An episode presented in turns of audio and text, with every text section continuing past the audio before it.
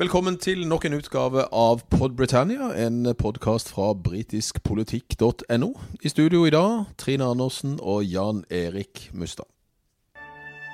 No, no, no. What we are asking is for a very large amount of our own money back. The choice is in your hands. We've had a meaningful vote. We had it in the referendum on 2016.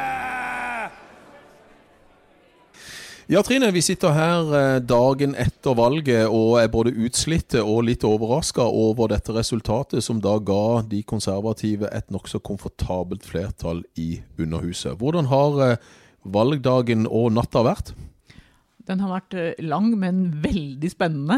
Og eh, vi er vel overraska begge to vel, over at det ble et såpass stort flertall for Boris Johnson, er vi ikke det? Jo da, vi er det. Og dette viste jo at, eh, at de første grundige meningsmålingene som gikk inn i alle valgkretsene, slo mer eller mindre til. Vi er jo alltid litt forsiktige nå fordi vi har sett en utvikling i britisk politikk som har gått i retning av at det har vært marginalt i flere valg, og at vi dermed kanskje var litt ja, vi, vi, holdt litt igjen i forhold til å spå et stort konservativt flertall. Selv om vi nok eh, så at uh, de konservative kom til å styre mot et, uh, et, lite flertall, så ble det litt større enn det vi hadde trodd. Det ble det, men det ble jo en forferdelig trist valgnatt, kan du si, for Jeremy Corbyn, da. Og han har jo sagt i dag at nå han skal tenke seg litt om. Det er jo litt rart, er det ikke det? At han ikke nå bare sier at nå, nå går jeg. Jo, eh, vi kan si et par ting i forhold til det. og Det ene er jo at når eh, det konservative partiet gjør det godt, så gjør ofte Labour det dårlig. Eller motsatt. Eh, det er jo litt av skal vi si, skjebnen for dette topartisystemet. At de er litt avhengige av hverandre, med motsatt effekt veldig ofte, som vi da så nå i, i dag, som, nå som resultatene kom inn. Det andre er jo at dette voldsomt dårlige valget for Labour bør få noen konsekvenser. og en ting er å si at ja, vi har ikke gjort det bra nok. Vi må gå inn i en refleksjonsperiode. Vi må analysere hva som skjedde. Eh, ofte så har vi jo sett at partiledere har trukket seg dagen etter. Eh, nå ser det ikke ut til at Jeremy Corbyn gjør det i dag, men presset kommer til å øke og øke på Jeremy Corbyn. Dette er det dårligste Labour-resultatet siden 1935. Det er til og med dårligere enn Michael Futts resultat fra 1983, da partiprogrammet de sitt ble kalt 'The longest suicide note in history'. Så hvis det var 'the longest suicide note in history', så lurer jeg på hva de i, uh, i retrospekt kaller dette programmet til Corbyn for valget i 2019? Ja, det kan, du, det kan du virkelig spørre deg om, Jan Erik. Og det er jo ingen tvil om at veldig mye av dette dårlige valgresultatet skyldes også den eh, standingen som Altså den ikke-standingen, kan du si, som Jeremy Corbyn har ute i, i, eh, landet. Han har jo vært en utrolig upopulær eh, partileder og jo, har jo ikke akkurat vært en valgmagnet. Nei, Det er jo noe av dette som har vært problemet til Jeremy Corbyn i denne valgkampen. At han ikke har eh, egentlig sett hvor upopulær han har vært. Det har heller ikke de andre i Labours ledelse. Eh, og det har vært en tendens her også fram til i, i, natt, faktisk, at Jeremy Corbyn skylder på alle andre. Han skylder på media, og han innrømmer at brexit eh, har spilt en større rolle enn det han kanskje trodde kom til å skje. Men eh, det er nok på tide at eh, Jeremy Corbyn tar inn over seg at han er upopulær i veldig mange deler av, av Labour-landskapet. Ja, Du sa det jo nå. Det er jo, det er jo brexit som har dominert uh, denne valgkampen. Vi, er, vi, var jo i dette, dette valget bare pga. brexit. Ja det er jo ingen tvil om at nå har jo eh, Boris Johnson lykkes helt og fullt med sin eh, brexit-strategi. Så hva, hva, hva, skjer videre nå, da? Tror du det, vi kommer til å, å, se en skilsmisseavtale som er godkjent i Underhuset ja, At det blir en julegave til britene? Ja, Vi får se da om parlamentsmedlemmene vil spise julemat og gå gjennom alle disse dokumentene. Johnson har jo ambisiøst nok sagt at han ønsker å få dette gjennom før jul, eller i romjula. Normalt så går parlamentsmedlemmene i juleferie den 19. desember. Og Det er jo da en eventuelt kan begynne å diskutere dette. Eh, så om eh, parlamentet kommer til å sitte frem mot uh, julaften, det, det, kan godt være. Det kommer litt an på the speaker, og det kommer an på de prosedyrene som da eventuelt knytter seg til gjennomgang av denne avtalen. Den har jo vært kjent nå en stund, så det er spørsmål hvor mye tid the speaker vil sette av for å diskutere avtalen. Og Så vil det jo komme endringsforslag, tilleggsforslag.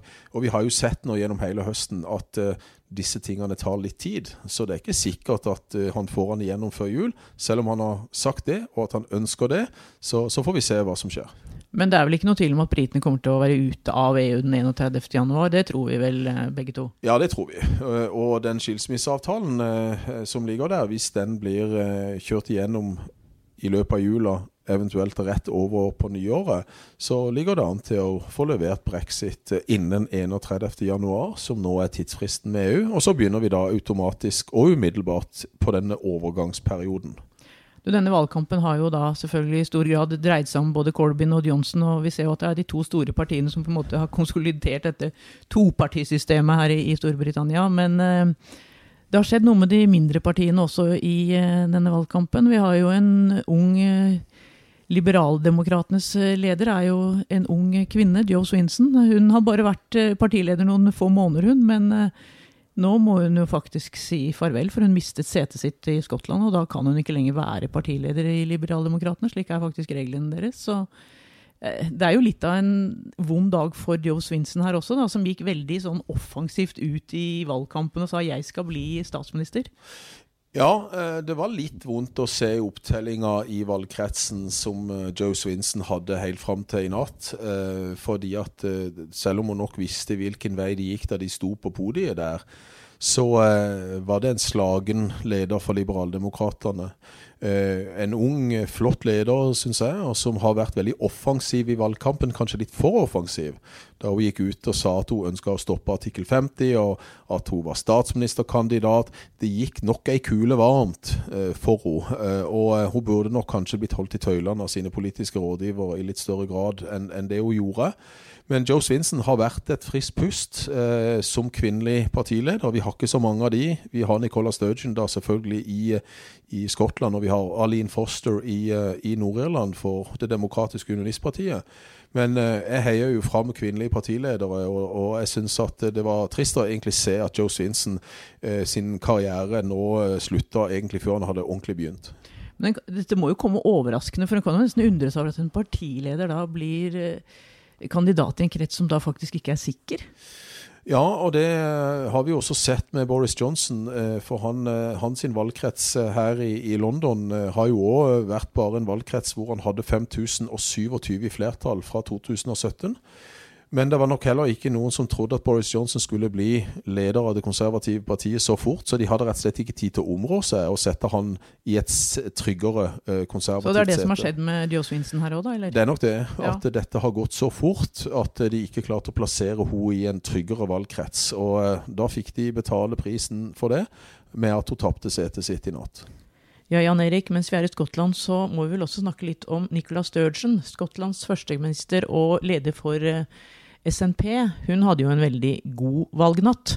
Eh, hennes parti gikk da fra 35 til 48 seter i parlamentet. Det vil si at de nå altså har 48 eh, av de 59 setene fra Skottland i parlamentet. Eh, dette skyldes jo ikke bare brexit, men eh, også at den svært så populære lederen for de skotske konservative, Ruth Davidson, trakk seg tidligere i år. Hun klarte jo nærmest å gjøre et valgskred for de konservative i Skottland eh, ved valget for to år siden. Da gikk eh, de konservative i Skottland fra 1 til 13 seter. Nå har de altså mistet eh, ja, litt over halvparten av dem igjen. Så vi må jo kunne si at dette har vært en svært god natt og et godt valg for SMP. Altså, Dette er jo eh, en wipeout, for å bruke et engelsk uttrykk. Det, det er jo et valgskred for eh, SNP igjen i Skottland, sånn som det var i 2015. Eh, og eh, for uavhengighetssaken til eh, SNP så er nok dette det, det mest likende resultatet, fordi at de er veldig antikonservative. SNP har sagt at eh, det verst tenkelige resultatet i et britisk parlamentsvalg er et komfortabelt flertall til de konservative. Det som er den andre sida av den medaljen, det er at det betyr at SMP kan kjøre på i uavhengighetsspørsmålet eh, og prøve å få til en, eh, en ny folkeavstemning om eh, Storbritannia og medlemskapet for skottene i Storbritannia. Ja, det kommer til å fortsette å ulme der oppe nå i mange år framover til det blir en ny folkeavstemning. For det kommer det jo til å bli på et eller annet tidspunkt. Ja, det tror vi nok. Men dette legger iallfall grunnlaget for å kunne gå inn i valgkampen i det skotske parlamentet våren 2021. Og, dette er steg én, eh, og den testen besto SNP med glans med det resultatet vi har fra Skottland nå. Eh, og så vil de bruke dette momentumet fra eh, dette parlamentsvalget inn mot valget til det skotske parlamentet våren 2021. Og skulle de da få et rent flertall i det skotske parlamentet, så er ikke veien så lang til en ny folkeavstemning. Men du, Hvis vi nå beveger oss litt sørover igjen eh, og går over grensen til, eh, til, England, så har vi vel fått et lite blått belte nå nord i England, har vi ikke det? Jo, vi har jo det. Vi har jo hatt en endring i, i det politiske landskapet hvor eh, de konservative har gjort det veldig sterkt i kjerneområder til Labour. Gamle industriområder som rett og slett har skifta farve fra rødt til blått. Og, og Labour eh, har på en måte befesta stillingen sin blant de unge i byene. Eh, I London f.eks. så er det veldig mange eh, av disse nye generasjonene fra, fra, fra ja, ganske unge hipstervelgere som har stemt Jeremy Corbyn og Labour. Mens veldig mange av de gamle, tradisjonelle arbeiderklasseområdene nå er blitt konservativt. Og Dette handler jo også litt om brexit. At i veldig mange av disse kjerneområdene til Labour så stemte folk på brexit. Og de har i denne, eh, dette valget her rett og slett stemt konservativt. Ja, det er jo ganske utrolig at mange av disse virkelig kjerneområdene til Labour, som du sier, at de, de til å gå og sette et kryss ved en eh, sånn overklassegutt som Boris Johnson? Ja, og, og, dette handler jo da om, om, brexit, og det har vi jo sagt i veldig mange sammenhenger at dette er et brexit-valg. Og dermed så, så, har folk eh, sett på sin brexit-preferanse og rett og slett funnet ut at uh, de tror det er bedre at uh, de konservative får deres stemme fra disse områdene denne gangen. Og så får vi se hvor, hvor uh, varig akkurat denne endringen kommer til å bli. Det jeg syns er litt spennende fremover nå, det er jo liksom hva slags statsminister Boris Johnson nå kommer til å bli. Han har jo vært veldig forsiktig i denne valgkampen. Har kjørt en veldig sånn ganske lav profil til han å være. Ikke gjort de store tabbene eller vært den bajasen vi har, eh, har kjent litt til før. Hva, hva, hva tror du? Nei, Det er det store politiske spørsmålet eh, på morgenen nå her i, i, eh, i, London. Hva slags statsminister blir Boris Johnson? Hva slags politiker kommer vi til å se som statsminister? Boris Johnson har mange forskjellige personligheter. Eh, og han, eh, Jeg har sagt tidligere at en er alltid litt spent på hvilken personlighet en treffer av Boris Johnson. Eh, og dette, dette, har vært spurt av veldig mange eksperter her eh, i morgentimene i dag. Eh, hvordan kommer vi til å se Boris Johnson nå som statsminister med et komfortabelt flertall i Underhuset? Kommer han til å endre sammensetninga av regjeringen? Kommer han til å kvitte seg med noen av disse European Research Group som ligger langt, langt til høyre i partiet?